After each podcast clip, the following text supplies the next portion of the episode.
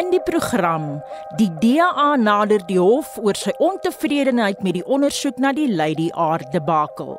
DA se hofaansoek rondom die Lady R ondersoek, versoek van die hof 'n verklaring bevel wat sê dat die president, president Ramaphosa ongrondwettig opgetree het. Hulde blyke stroom steeds in na die dood van die oud politikus Aziz Bahad. En 'n enstof teen voëlgriep kan eers oor 'n paar maande verwag word. Ons verwag so binne 2 en 6 maande, maar 'n mens moet ook in perspektief neem dat ons gaan met daai entstof daghoudkykens ent. So alle hoenders wat ouer is as daghoud sal nie geënt kan word nie. Welkom by Brandpunt. Ek is Annelien Moses.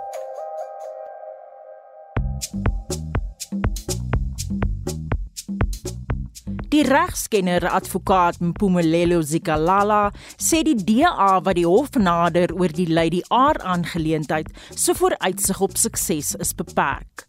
Dit kom na die party gesê het dit was ongrondwettig van president Cyril Ramaphosa om die afgetrede regter Phineas Mojapelo aan te stel om ondersoek te doen na die Russiese vragskip wat in Desember in Simonstad vasgemeer het. Vincent Mofokeng het meer. Zikalala sê daar is niks fout daarmee om 'n afgetrede regter aan te stel om die voorsitter van 'n ondersoek van hierdie aard te wees nie. The question would be why are you fighting the very hand that enabled you to accept the findings as they are? It simply means that the thinking of the president is correct in this case. Taking a retired judge to conduct this type of investigation is what has delivered the results which are accepted by you and me. Even on a jurisprudence type of argument, judges are allowed to engage in similar practices such as these ones. The law is very clear as to what the judges can and cannot do. Werner Hon, 'n woordvoerder van die DA, sê intussen hulle gaan voort met regstappe. Sulke kommissies word tipies gereguleer deur die kommissiewet. Hulle het 'n behoorlike verwysingsraamwerk wat in die staatskoerant gepubliseer word. En dit is natuurlik so omdat regters nie deel is van die regering, van die uitvoerende gesag nie, maar van 'n ander arm van die staat, die regsprekende gesag, en dat die grondwetlike reëling om te sê dat regters net aan die hoof van regterlike kommissies van ondersoek mag staan natuurlik daar is om die grondwetlike vereiste dat die regsprekende gesag onpartydig en onafhanklik moet wees in stand te hou. En daarom voel ons baie sterk dat die president se aanvanklike aankondiging wat verwys het na 'n regterlike kommissie van ondersoek aan voldoening gegee moes gewees het in die omstandighede en dat die president die oomblik toe hy besef het dat weens vertroulikheidsredes hy gaan verwag dat hierdie ondersoek in kamera agter geslote deure moet moes geskied. Hy nie moes voortgegaan het om afgetrede regter Mojapelo te vra om aan die hoof van hierdie ondersoek te staan nie. Hon verduidelik hoekom hulle die afgetrede regter Phineas Mojapelo se aanstelling as ongrondwettig beskou.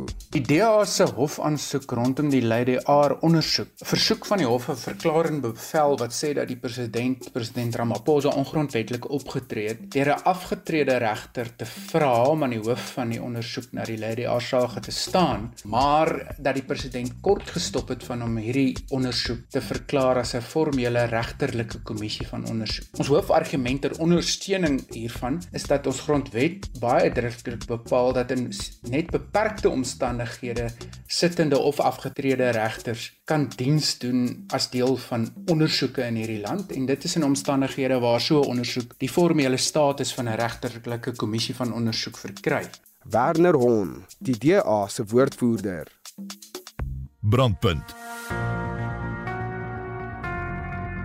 Die bestuurshoof van Agri Weskaap, Jannie Strydom, sê dit is nog nie moontlik om die totale omvang van die skade wat boere weens die gure weer gelei het te bereken nie. Dit nadat 230 mm reën binne die bestek van 'n dag en 'n half geval het. Strydom sê konservatief gesproke kan die skade miljarde rand beloop. Op hierdie stadium is die beraamde syfer en dis absoluut nog baie voortydig en is beraamde syfer van 1.4 miljard rand. Beloop in die groot areas wat geraak is, die Oeverberg en die Kaapse wynlande, het hulle nog nie ten volle terugvoer gekry nie. So dis baie voorlopig, maar ja, dis al 'n syfer wat op die tafel is en as ons net dink Dioniese reën wat ook oor 'n biljoen was, jy weet, dan het die landbou op hierdie stadium in 'n kort tydjie redelik skade gekry. Strydom sê boere sal verseker hulp van die regering af moet kry veral om die infrastruktuur reg te kry, die paaie weer en die brûe en goed. En dan is tweede een is maar vir ons 'n kommer, jy weet, want ons wag nou nog dat die vorige rampverklaring gefinaliseer word, dat daai fondse na ons toe kan kom of aansoek gedoen kan word by nasionaal tesourie. So hierdie is gaan dieselfde roete moet volg en ja, ek is maar persoonlik bekommerd. Ek weet nie of daai fondse gaan beskikbaar wees om ons te ondersteun en te help in hierdie stadium nie. Dit dan die bestuurshoof van Agriweskaap, Janie Strydom.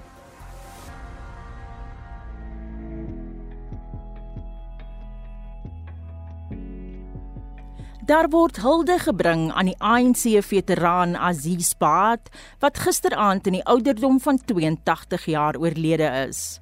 Baat was 'n voormalige adjunkminister van buitelandse sake van 1994 tot 2008. Baat se groot vriend en voormalige diplomaat Gert Grobler sê sy politieke bydrae kan in 3 dele opgedeel word.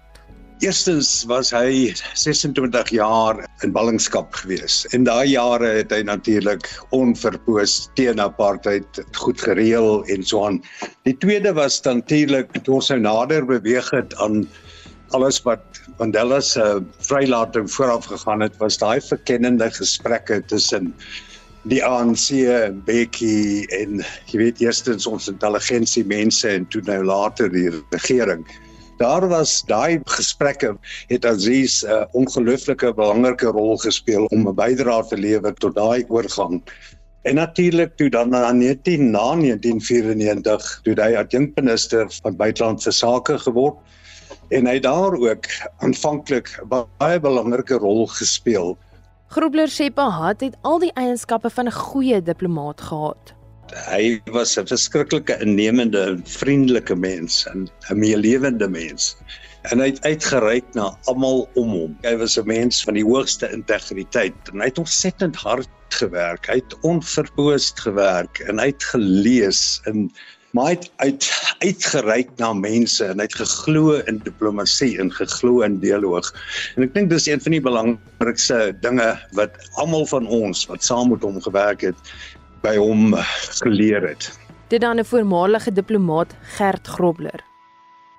Jy luister na Brandpunt op RSG. 'n Nuwe stam van voëlgriep H7 saai verwoesting onder leeuhoenders. Die departement van landbou sê meer as 1,3 miljoen hoenders is van kant gemaak en 100 000 het reeds weens die virus gevrek. Die voorsitter van die pluimvee groep by die Suid-Afrikaanse Veeartse Nykundige Vereniging, Dr Wilhelm Marie, sê die getalle kan styg. Oh, dit is moeilik as gevolg van 'n verskeidenheid van redes. Waarskynlik die tydslyne wat dit vat om uit te kom en gerapporteer te word deur die korrekte kanale, maar soos dit gebeur, probeer ons om rekord te hou en selfs dit is moeilik. Maar mens kyk in die omgewing van 5 miljoen lênetjies, dit is so 30% van die totale mark en 2.5 miljoen braaikyk en teelouers wat tussen 20 tot 25% van die totale marksektor is. So dit is betekenisvol hoog. Marie verduidelik hoekom die H7 stam van voëlgriep net in Suid-Afrika voorkom. Hierdie voëlgriep virusse word op verskillende maniere geklassifiseer. So subtipes word opgedeel in 'n H wat staan vir hemagglutinin en dan word dit gevolg normaalweg met 'n 'n syfer en dan ook 'n N wat staan vir neuramidase. Mm. Dit kry dan ook dan 'n nommer by.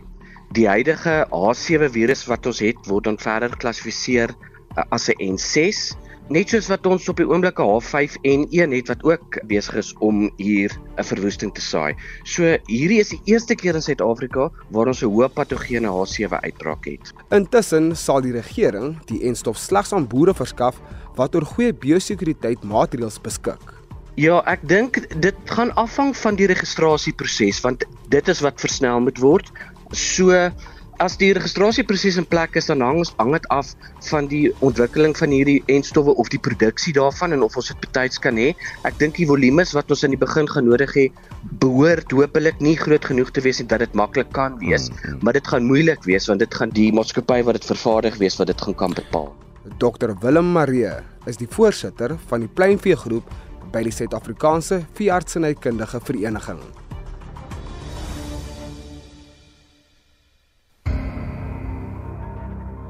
Pluimveeboere sal binnekort hulle diere teen voëlgriep kan inent na toestemming van die Departement van Landbou vir die invoer van entstowwe. Die hoofbestuurder van die Pluimveevereniging van Suid-Afrika, Isak Breitenberg, sê egter boere het 'n onmiddellike oplossing nodig aangesien die entstof eers oor 'n paar maande gelewer kan word. Ons verwag so binne 2 en 6 maande, maar 'n mens moet ook in perspektief neem dat ons gaan met daai entstof daghoudkykens ent. So alle hoenders wat ouer is as daghoud sal nie geënt kan word nie. So al besluit ons op een dag om al die hoenders te ent wat ons wil en dan gaan dit 18 maande vat om elke hoender geënt te kry omdat hulle verskillende ouderdomme is. Breitenberg meen ook dat teenstorting 'n geweldige impak op die bedryf sal hê. 'n Mens moet onthou wat die doel was van die teenstortingsmaatreël en dit is om gestorte hoender se prys te verander dat dit nie meer gestort word nie. So as ons na dit kyk, dan verbied die teenstortingsmaatreëls nie die inkom van hoender van ander lande af nie. En ons kan dit sien want steeds is ons grootste handelsvernoot in terme van invoere van hoendervleis Brasil en dan tweedens Amerika en derdens die Europese Unie. So ons sê dit gaan nie sin maak om die uh, teensortingsmateriaal wat ingestel is in Augustus te verwyder nie. Verbruikers kan 'n tekort aan eiers in die nabye toekoms verwag. Intussen glo hy dat boere ongelukkig nou besig is om die bedryf te verlaat. Ons struktuur in die braaikykkenbedryf is dat dit dit meestal geïntegreerde groot maatskappye is en hulle kry geweldig swaar met die uitbraak van die siekte en al die hoenders wat ons doodmaak, die kostes daarvan, die kostes van skoonmaak, die logistiek daarvan. Hulle sukkel regtig baie. Maar dan aan die kommersiële lekkant sien ons nie so baie geïntegreerde maatskappye nie. Ons sien eenmansake. En baie van hierdie eenmansake het elke hoender wat hy besit het in hierdie uitbraak verloor. En hy sit nou met met 'n plaas vol hoenderhokke met geen hoenders op die plaas nie wat hy nou weer moet vol hoender maak. En dit is geweldig uh, hoë koste om dit te doen. So ons sien boere wat gaan uitboer. Isak Breitenberg die hoofbestuurder van die pluimvee vereniging van Suid-Afrika.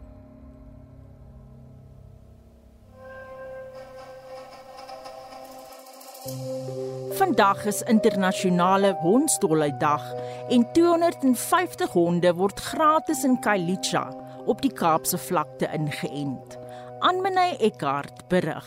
Die hoof van fondswerwing en kommunikasie by die Mzananda Dierekliniek, Marcel Du Plessis, sê die dodelike virus word deur die speeksel van 'n besmette dier versprei en kan dodelik wees vir mens en dier. Hulle moedig mense aan om 'n dier te borg vir die onkoste wat hulle aangaan. Inenting en dan sit die naalde en die syringes en die handskoene en al daai tipe goed. So dit kos ons omtrent R50 per diertjie.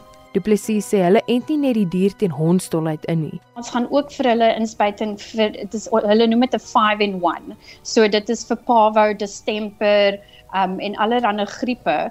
Um so hulle gaan daarvoor ook ingeënt word. Sy sê dat hondsdolheid nie behandel kan word nie, maar slegs voorkom kan word.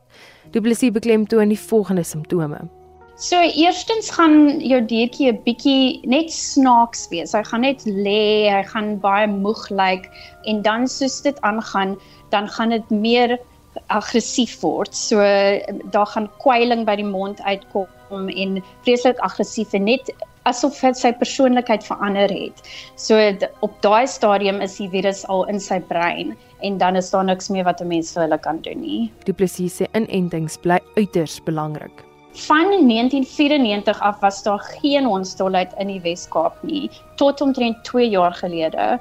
Toe was daar nou die eerste dieetjie wat ingekom het met hondsdolheid en ons het omtrent 6 honde gekry in Kailicha. So ons het toe begin met ons inentingsproses, um amper om soos 'n wat 'n 'n barrier te vorm. Um en Ja, so van toe af het ons nou nog nie weer nuwe hondjies gekry nie, maar elke nou en dan kom daar een in wat 'n mens dink oor jene, dit lyk net nie reg nie. Ehm um, so dit dit is nog daar, so ons moet definitief die inentings doen. Dit dan Marshall Du Plessis van die Mzananda Dierekliniek op die Kaapse vlakte. En daarmee roep ons halt. Die brandpuntspan vandag was Vincent Mofokeng, Anmenay Eckart, Daitrin Godfrey, Boin Kosim Tembu en my naam is Annelien Moses.